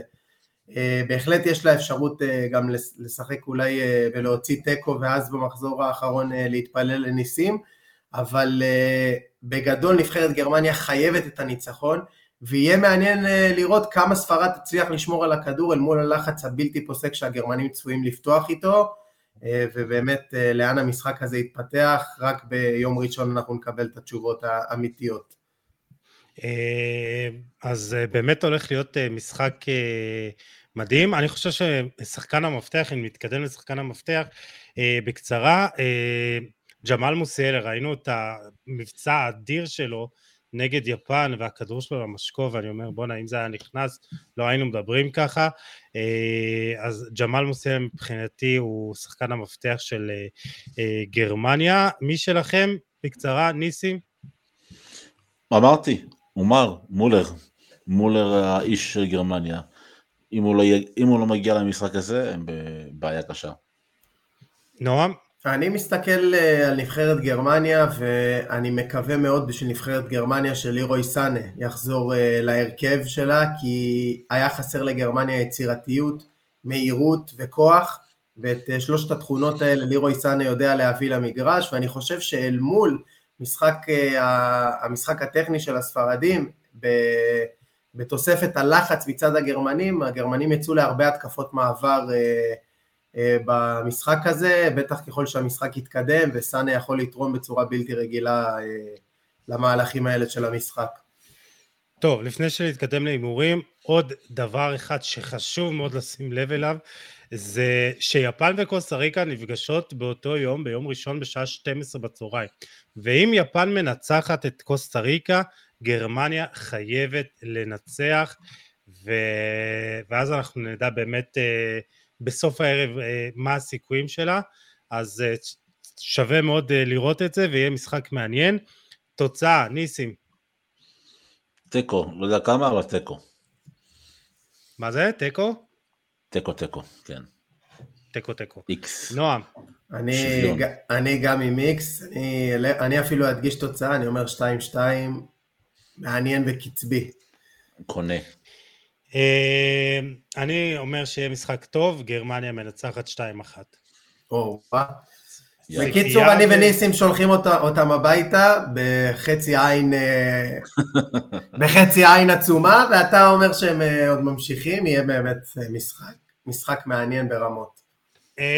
כן, ונתקדם למשחק הבא, משחק ביום שני, משחק שהוא לא פחות מעניין, ופורטוגל נגד אורוגוואי, אורוגוואי מסיימת בתיקו אפס נגד דרום קוריאה, משחק לא איכותי במיוחד, ופורטוגל מנצחת 3-2 את אה, גאנה. אה, אני חייב להגיד משהו על פורטוגל, רציתי להגיד את זה אחר כך, אה, ב, לפני כן, סליחה, בפתיח, וראינו כשרפאל לראו נכנס והביא את השינוי, שני הגולים של פיליקס ואז שלו, ראינו בכמה דקות האלה את הפוטנציאל של נבחרת פורטוגל. ואני לוקח בחשבון שגאנה יצא קדימה וקצת אפשרה את המעברים, אבל ראינו את האיכות של אה, נבחרת פורטוגל עם רפאל אהוה מצד שמאל, קריסטיאנו רונלדו באמצע, פיליקס מצד ימין, ואז מאחור שחקנים כמו אה, ברונו פרננדש, אה, ז'ואר קאנסלו וכמובן ברנרדו סילבה, אה, וראינו איזה איכויות יש לה, וכמה יכולה לצאת להתקפות מעבר קטלניות, אה, ואני אומר, ואני מאוד מקווה בשביל פורטוגל שהדקות האלה אה, גרמו לפרננדו סנטוס להגיד אני חייב את אה, רפאל לאו בהרכב כי דווקא נגד אורוגוואי הוא יצטרך את זה, הוא יצטרך את הכוח פריצה שלו וראינו מה הוא עושה לשחקנים גם במשחק נגד גאנה אבל בעיקר בליגה האיטלקית הוא לוקח שחקנים על הגב והוא לא מתחשבן ובקו אה, שמאל שם, קו ימין של אורוגוואי משחק מרטין קסרס, ואני אומר, מרטין קסרס בימים הכי טובים שלו לא יכול להתמודד מול רפאל לאו, ועכשיו הוא בגיל 35, זה, זה מצ'אפ שיכול לנצח לפורטוגל את המשחק הזה. אה, בוא נגיד ככה, המשחק, אה, נתחיל עם פורטוגל, אם כבר זרמתי. שלוש שתיים, משחק שדווקא מחצית ראשונה לא היה כל כך אה, נחמד, ואז אה, יש שיאמרו בדקה 65 אה, פנדל לא מוצדק, נועם ככה בטח לא יסכים איתי, אז אני אשאל את ניסים, היה פנדל? אה, לפי דעתי לא, לפי אני לא, לא ראיתי שם פנדל, היה, היה מגע, אין ספק שהיה מגע, אבל אני לא חושב שזה המגע שהוא אה, יצר פנדל, אני גם חושב שהעלו כמה פרסומים מאיגוד השופטים בישראל, ש... ש... שלא היה פנדל, ראיתי פה תוך כדי שיחה איזה ציטוט אצל אילון שווגר, מאמן ההגנה, אם אתה מכיר אותו. כן. אז ראיתי שהוא שלח פנייה לאיגוד השופטים, ועידן לייבה ענה לו שלא היה פנדל. לדעתם, שוב, זו דעתם. אתה אומר, אם זה לא קריסטיאנו, אין פנדל. לא נשרק. לא, אני לא חושב שזה בגלל שזה קריסטיאנו, אתה יודע, זה גביע העולם, אני חושב שהשופט עשה כמה טעויות במשחק הזה עוד לפני, אני חושב שהוא היה שופט מוזר על גבול המגוחך. מאוד. וכן, אז אני חושב שהוא פשוט איבד שליטה על המשחק קצת, אתה יודע, ובשנייה שהוא ראה אה, נפילה, הוא שר בביטחון ו... ונגמר הסיפור, המשחק אפילו לא עצר, אז אפילו לא, אי אפשר ללכת לבר, זה פשוט היה גבייה שלו, יש פנדל. אני גם, אני אגיד לכם, במחצית הראשונה, את השער של קריסטיאנו שנפסל. כאילו, תן לה, תן לה מהלך להסתיים ותראה אחר כך בבר אם הייתה עבירה או לא, הייתה שריקה שלא הבנתי אותה. כן. גם בספק אם היה, אה, הייתה שם עבירה. אה, נועם, אתה בטח שמח אה, בתור מי שמייסד את דף קריסטיאנו רונלדו בישראל. אני אגיד לכם מה, אני דווקא, המשחק הזה, קריסטיאנו היה לא רע בכלל, כאילו ראיתי אותו מפוקס, מרוכז, הוא הרבה ניסה... חלודה, הרבה חלודה. נכון, נכון, הוא לא היה חד, אבל תשמע, בסוף סחט פנדל, נתן, אה, נתן אותו, כבש אותו, ו... כן, היה מעורב סך הכל, גם בשער השלישי הוא התחיל את המהלך יפה, ככה שימש כגב, כקיר אה, לכדור. אה, בהקשר לפנדל, קודם כל בעיניי לא היה פנדל, ברור. כמו שניסים אמר, היה מגע, אבל ראיתי הרבה יותר פנדלים מזה. מצד שני, אני אומר, מסתייג ואומר, עם כל הכבוד, בחצי הראשון היה בעיניי שער חוקי למהדרין אה, של רונלדו שנפסל. לא מבין למה השופט היה כל כך אה, לשרוק. היה אה, מחכה שהמהלך יסתיים והולך לבר, יש שופטי ור, הם היו רואים שהמגע, רונלדו לא דחף שם את שחקן ההגנה, לא הביא לו איזה זפטה עם היד או משהו כזה, היה שם מאבק לגיטימי על הכדור, רונלדו אה, בסיבוב בלי כדור הצליח אה, מה שנקרא לעקוף אותו, אה, אבל בכל זאת הוא שרק, היה בכלל תצוגת שיפוט אה, מאוד מאוד מוזרה לדעתי עד עכשיו מהמשחקים שראיתי, התצוגת שיפוט הכי חלשה והכי מבולבלת שראיתי לא, היה אה, השופט, שופט. היה את השופט הזמבי. כן, אבל, אבל הוא מתחרה, אבל תשמע, היום היה גם, היה שם איזה עימות ככה בין, ה, בין שחקן גנאים, אני לא טועה, זה היה סליסו, לבין פליקס, ככה שהוא הביא לו, לא רק אחרי העבירה, הביא לו גם אה, נגיחונת אה, באף, וראינו הרבה שריקות על סף הרחבה של אה, פורטוגל שלא נשרקות. השופט לא שלט במשחק מהרגע הראשון, אז פעם אחת פורטוגל הפסידה, פעם אחת פורטוגל הרוויחה, בוא נגיד שהשיפוט זה לא מה שהכריע פה את המשחק מבחינת התוצאה בסופו של דבר, אבל פורטוגל, כמו שאמרתי בתחילת הפרק, הרבה הרבה הרבה בעיות שדיברנו עליהן, אה, בולטות לעין, וכולם מדברים על החילוף של רפאל לאהו, אני רוצה לקחת אתכם כמה דקות לפני זה, אה, כשאוטביו נפצע וויליאם קרווליו אה, נכנס למגרש, ופה בעצם מתחיל השינוי של פורטוגל, קרווליו עבר לשחק את הקשר האחורי ושחרר את ברונו מהרבה הרבה משימות הגנתיות שהוא היה צריך לעשות, והוא בא על שכרו, ברונו עם פעולות נהדרות, סידר גם לפליקס וגם לרפאל לאהו את השערים, אה, במסירות נהדרות, ראינו את ברונו עובר יותר קדימה, אה, ובאמת לפני השער, אה, לפני שהכניסו את לאהו, כולם היו בטוחים שסנטוס בעצם הולך להחליף את לאהו על פליקס, ואז לא לשנות את המערך ולא לשנות את נכון. שיטת המשחק, אבל סנטוס הפתיע את כולם, השאיר את פליקס, ואז נוצר באמת מרובע התקפי של פליקס, רונלדו, לאהו וברונו, שמזין אותם מאחורה, והדבר הזה נתן לפורטוגל הרבה כלים התקפיים. ראינו את רונלדו אה, גם כשהוא עדיין מסיר חלודה, אה, כמו שאמרנו, מעורב בשער השלישי. אה, בשער של לאהו ראינו אותו פותח מצד ימין ולוקח איתו את שחקני ההגנה, מה שהשאיר את לאהו כמעט לבד לסיים מול השער, ובאמת בעיניי כולם מדברים על החילוף של לאהו, אבל החילוף שעשה לפורטוגל את המשחק זה הכניסה של קרווליו שהכניס הרבה שקט וסדר. ובכלל שפורטוגל משחקת מול יריבה שממעטת לתקוף אותה, וכשפורטוגל כמובן ביתרון, אז אה, קרווליו הוא יתרון מאוד מאוד גדול באיך שהוא מסדר את המשחק, באיך שהוא מנווט את המשחק, החיסרון שלו, כמובן האיטיות שלו, אה, הרבה פחות אה, מורגשת ובולטת כשפורטוגל אה, משחקת בצורה הזאת, ובאמת יהיה מעניין לראות האם סנטוס אה, יאמץ את השיטה הזאת אה, וככה ישנה את הקטנות האלה בהרכב, או שמא הוא אומר, טוב לי להתחיל אה, שמרן וככה, ותוך כדי משחק לראות איך זה מתפתח ולפי זה לשנות. אה, ניסים, דיברת על השמרנות של פרננדו סנטוס, ומצד אחד אני מבין, כי ראינו את השמרנות באה לידי ביטוי בהצלחה, כשפיליקס בעצם כבש את השער, והוא כבש מדהים, באמת, הוא סיים אדיר, מצד שני, אני קשה לי להבין את השמרנות הזאת כשזה מגיע לרפה לאהו. אז, אז אתה חושב שאנחנו נראה איזה שינוי במשחק נגד אורוגוואי? בגישה למשחק? תראה, אני קודם כל יכול להבטיח לך, אני משוכנע בכך, שפרננדו סנטוס היה מרוצה מאוד מה-60-65 דקות הראשונות, והיה בתחושות קשות מאוד, ב-25 הדקות האחרונות. פרננדו סנטוס הוא אדם של שליטה, לא possession, שליטה בקצב.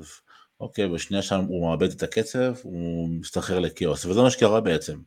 פורטוגל שלטה, קבעה את הקצב, קצב איטי, זה היה לה נוח, היא האמינה שהשער יבוא, ומפה, בשנייה שיבוא השער, נשנה טיפה תוכנית, נראה טיפה אחורה, ניתן לגנה לצאת, נכניס את לאהו, ונעבור להתקפות מעבר. אני די משוכנע שזה מה שנראה נגד אה, אורוגוואי, אני חושב שה-4-4-2 יהלום הזה ימשיך נגד אורוגוואי מכמה סיבות. אה, אחת, לאורוגוואי יש שחקני כנף, יש לה דרווין נונייס שהוא חלוץ, הוא לא בדיוק שחקן כנף, יש את סוארס כמובן, ויש את פליסטרי. אף אחד מהם לא יאיים על פורטוגל, ולכן סנטוס לא יפחד מההתקפות של המגנים, כי מתיאס אוליברה הוא לא מגן תוקף, וגם מרטין קסרס לא הוא לא מגן תוקף. אז הוא, הוא יגיד, אין לי שום בעיה להשאיר את גררו, נגיד, על פליסטרי, את קסלו על דרווין נוניאז, אני אסדר עם זה. בנוסף לאורוגוואי שהרכב uh, מרכז מאוד חזק, בנטנקור, ולוורדה וסינו, שלושה קשרים מאוד מאוד חזקים פיזית, וגם יש להם את היכולת לשלוט על הקצב. אם הוא פותח עם רביעייה באמצע, אה, שוב סנטוס נדבר, הוא מחזיר לעצמו את השליטה. והדבר השלישי, אני חושב שגם סנטוס מבין היטב את המגבלות של קריסטיאנו, זה לא קריסטיאנו של 28, זה קריסטיאנו של עשור אחד יותר מבוגר, אין לו את היכולת לרוץ, אה, לברוח שמאלה ולברוח בין הבלמים לאורך 90 דקות, הוא חייב עזרה. זה למה, זה למה פיליקס שיחק לידו. פליקס עוזר לו בעצם בתנועה האינסופית שלו, שהוא מושך איתו פעם קשר אחורי, פעם בעולם, והוא בעצם מפנה לקריסטיאנו את השטחים האלו. אני חושב שאנחנו נמשיך לראות את השיטה הזו של שני חלוצים. אני חושב שסנטוס הבין בעצם שאם הוא רוצה להפעיל את קריסטיאנו והנבחרת הזו, אם היא רוצה להגיע לשלבים המאוחרים, צריכה להפעיל את קריסטיאנו, קריסטיאנו הוא הלב הפועם של נבחרת פורטוגל, וגם בשיטה הזאת יש המון, שטח, המון חופש, כמו שנועם ציין, לשחקנים כמו ברונו פרננדש ולברננדו סילבה, שהם יודעים שיש להם גם את רובן אבס מאחור כקשר אחורי, וגם עוד קשר כמו סטייל אה, אוטביו, שהוא קשר פעלתן. אז אולי, אולי נראה את אה, קרפליו במקום אוטביו, אולי נראה את אה, אפילו ויטיניה במקום אוטביו, שהם טיפה יותר הגנתיים בגישה שלהם. אבל אני כן חושב שבסוף נראה את פורטוגל משחקת את ה-4-4-2, אני לא אומר זה, או 4-2-2-2, איך שזה, איך שרוצים לקרוא לזה בצורה מסוימת. אני חושב שקריסטיאנו רונלדו צריך מישהו לידו היום, פעלתן, שימשוך תשומת לב, ויפנה את השטיחים האלה, וזה... זו נקודת מפתח לפורטוגל. אני, אני בעד uh, ויטיניה, uh, אחלה שחקן, אני ממש אוהב אותו. כן, כן, איזה דינמו גם... קטן כזה, נכון. נהדר באמצע.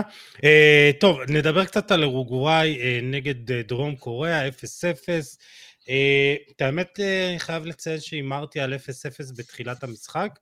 Uh, זה היה פשוט נראה לי כזה שזה שתי נבחרות שיבטלו אחת את השנייה, אין איזה, אתה יודע, הן נורא uh, דומות uh, מבחינת הערך של השחקנים פחות או יותר. אה, אין, אין איזה יתרון מטורף אה, של אחת על השנייה, אה, ואורוגוואי אורוגוואי נבחרת כזאת, היא קשה לשחק נגדה, ניסים.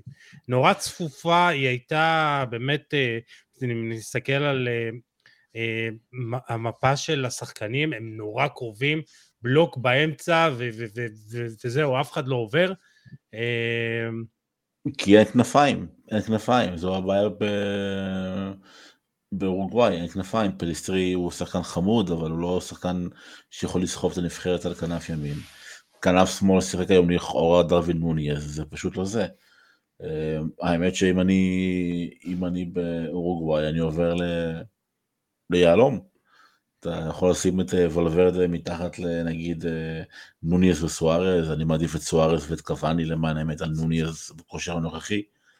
יש לו הרבה יותר ניסיון, יש לך, אם אתה שם את סוארז ואת קוואני מקדימה, את אה, וולברדה לפניהם, משחק עם בנטנקור וסינו ונגיד אחד הקשרים האמצעיים, לא חושב על מישהו ספציפי, כי אין להם כל כך הרבה איכות שם, למען האמת, אבל עדיין, נבחרת, או אולי אפילו לוקאס טוררה, לוקאס טוררה הוא דינמו שיכול לתת לך המון המון כוח קדימה. אני חושב שאורוגוואי היא נבחרת הרבה יותר טובה מדרום אה, קוריאה, סליחה. זה אכזב שלא ניצחה, במיוחד עם שחקנים כמו סוארס, קוואני, ולוורדה ודרווין נוניס, במיוחד ולוורדה בכושר הנוכחי שלו. ציפינו ליותר מאורוגוואי, היא בבעיה פה, היא בבעיה קשה נגד פורטוגל, אני חושב שזה יהיה משחק אה, מאוד טקטי, מאוד מאוד טקטי, שהוא ייפתח אולי מאיזה שער ממצב נייח, אולי שער ממצב נייח אה, יפתח אותו, ואם לא אז הוא יימשך לדקות האחרונות, אבל כמו שראינו, המון נבחרות אה, בכירות כובשות משערים ממצבים נייחים. ארגנטינה עשתה את זה, גרמניה עשתה את זה. גודין כמעט כבש בקרן, וראינו את זה. אני לא יודע איך גודין גודינס נראה לי במונדיאל שמיני שלו, זה לא, לא יודע בין כמה הבן אדם הזה, זה הזיה. שהוא עדיין בנבחרת, גם קסרס, אתה יודע, שניהם כאילו זה נראה של אלף...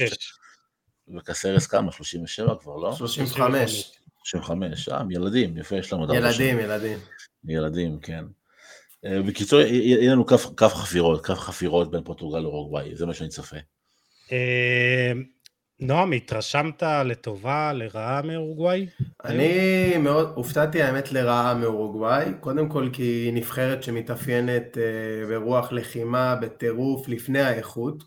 והיום, אתה יודע, אני לא אומר שהם אה, עלו בשאננות למשחק, אבל זה גם אה, רחוק מאוד מהטירוף שלפחות אני זוכר אותם במשחקים גם במונדיאל 2018, גם במונדיאל 2014.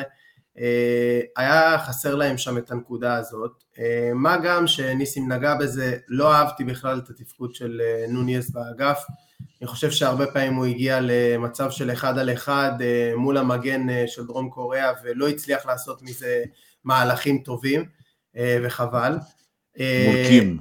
כן, לגמרי. מול קים, מול אחד הקימים. כן, אחד הקימים, איזה מהם. כן. איזה מהם. מול רביעיית הקימים הוא לא באמת הצליח לעשות שם משהו, ואני חושב שאורוגוואי בעניין הזה בבעיה, הייתי, כמו שניסים אומר, עובר למערך בלי אגפים, uh, פחות מנסה uh, לשחק על האגפים.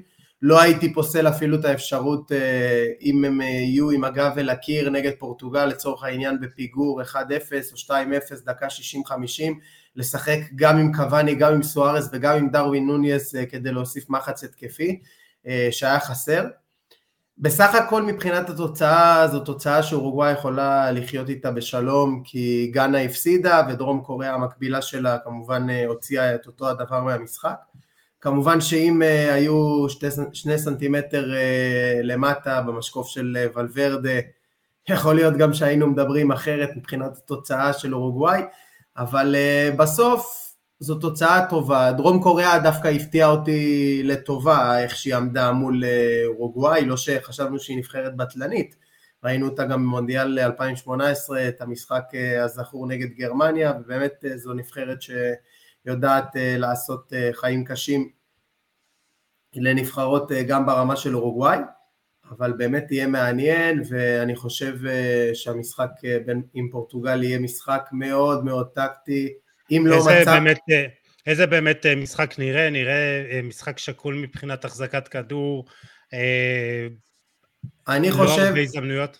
אני חושב שמבחינת הרציונל אורוגוואי יפתחו בטירוף מוחלט, שזה אומר לחץ גבוה ובלתי פוסק, פורטוגל תנסה להניע כדור בלי הרבה הצלחה, לפחות ב-20-30 דקות הראשונות. צריך לראות איך המשחק יתגלגל, אם נקבל איזשהו פנדל או איזשהו מצב נייח, הוא יכול לשנות את כל התמונה, אבל אני צופה את פורטוגל אה, של סנטוס אה, שמרנית, נותנת לאורוגוואי לבזבז את האנרגיות שלה, אה, מנסה לעקוץ במעברים או מטעויות של שחקני הגנה, עם ערנות בחלק הקדמי של פורטוגל, ובאמת לראות האם אם סנטוס יצליח למשוך את המשחק כמו שהוא רוצה וכמו שהוא מתכנן אה, לאזור הדקה 60-65 והתוצאה תהיה כאוות נפשו, אז אה, באמת אורוגוואי תצטרך לפעול ויהיה מעניין לראות האם הם אה, יעמידו את כל התותחים הכבדים שלהם כדי להפציץ את החומה של סנטוס. זה באמת יהיה משחק מאוד מאוד טקטי ומאוד מעניין. ניסים, משהו להוסיף או שחקן מפתח שלך למשחק? באורוגוואי השחקן המפתח הוא כמובן פדר ולוורדה, הוא צריך להיות המנוע של נבחרת אורוגוואי. בפורטוגל אני מצפה לראות את ברנדו סילבה, לא ראינו ממנו יותר מדי היום, והוא נכון. שחקן שיכול לפצח אה, הגנות אה, קשוחות בדריבל אה, באזורים צפופים או באיזה מסירת עומק חכמה, אז אני מסמן את שניהם כשחקני המפתח למשחק הזה. נועם, שלך. טוב, תראה, בפורטוגל, אם uh, שמנו לב, אם היום שמתי לב למגרעה uh, מאוד מאוד בולטת, זה ההבדל הפיזי של ז'ואאו פליקס אל מול שחקני ההגנה של נבחרת גאנה. Uh, ברמה הפיזית הוא לא הצליח להתמודד איתם, אני חושב שנגד אורוגוואי זה יהיה קשה אפילו יותר. Uh, מבחינתי, שחקן המפתח uh, נגד אורוגוואי דווקא הוא יהיה רפאל לאהו, uh, גם אם הוא יעלה מהספסל או גם אם הוא יפתח בהרכב. הפיזיות שלו אל מול הפיזיות אה, של שחקני אורוגוואי תהיה מכריעה, גם בריצות כמו שדיברנו על הקו מול המגנים הפחות אתלטיים ומהירים של אורוגוואי. וגם באופן כללי אני חושב שהמשחק הזה יתפתח למשחק של מעברים ומהירות והיום בסגל של פורטוגל הוא השחקן הכי מהיר, בטח שמשלבים עם זה טכניקה.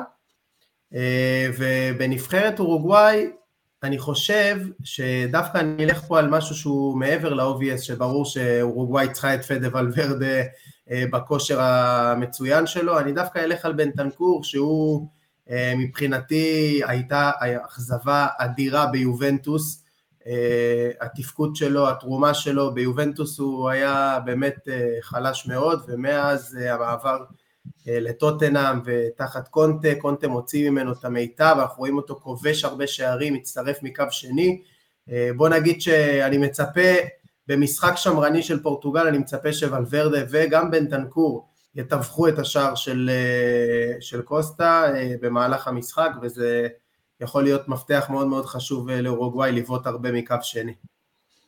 Uh, טוב, אז uh, לגבי אורוגוואי, uh, אני לא יודע מה מצבו בדיוק של רונלד אראוחו, אבל אם, הוא, אם הוא יהיה כשיר ויצליח להתאושש מהפציעה, אז זה באמת תוספת רצינית. אני אלך על ה obvious, אולי, או אולי זה מפתיע, אבל קריסטיאנו רונלדו. ו...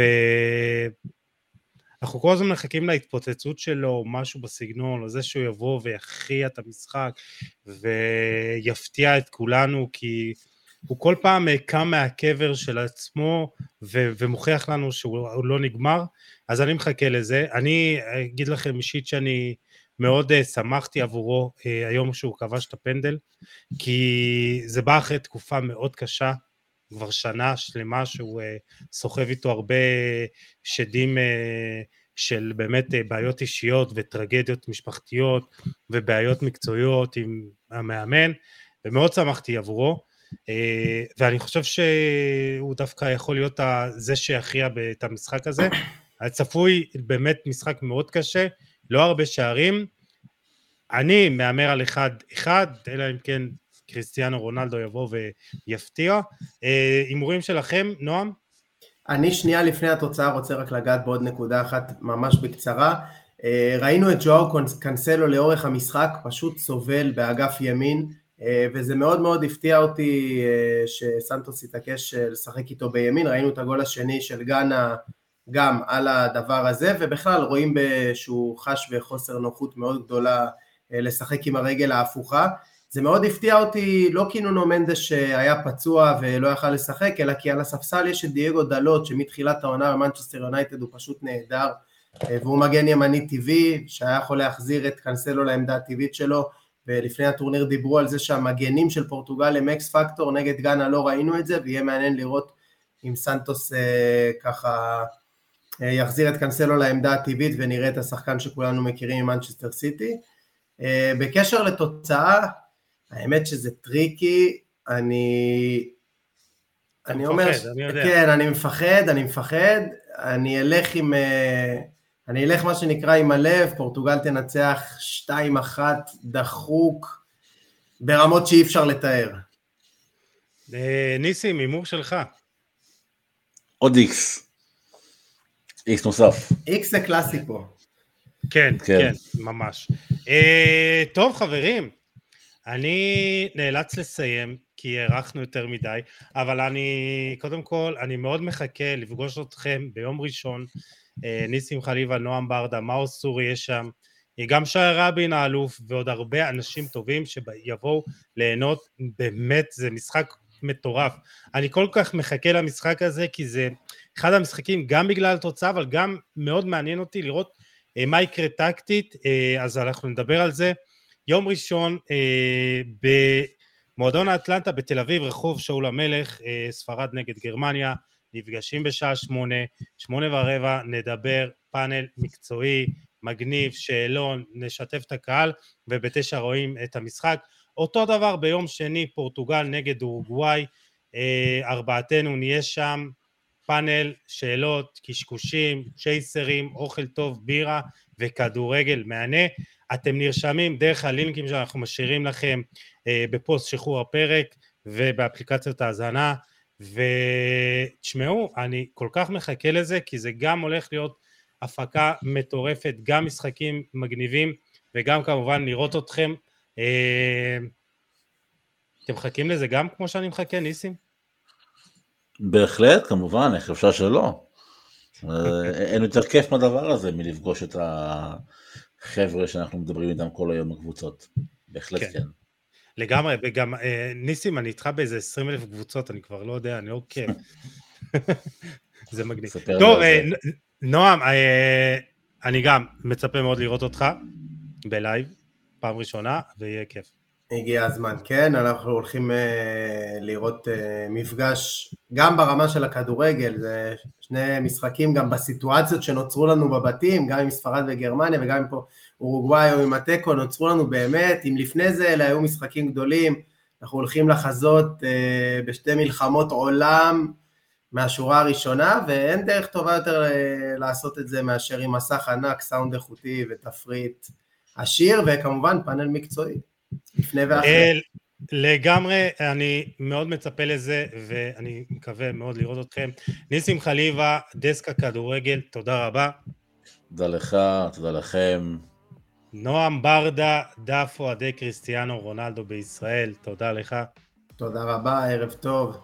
ואני יוסי עדני, חולה על כדורגל. אה, נפרד מכם, אתם מוזמנים כמובן לשתף, לתייג ולהעביר את המסר. Uh, תודה לכם, חברים, ניפגש בפרק הבא. יאללה, ביי. צ'או.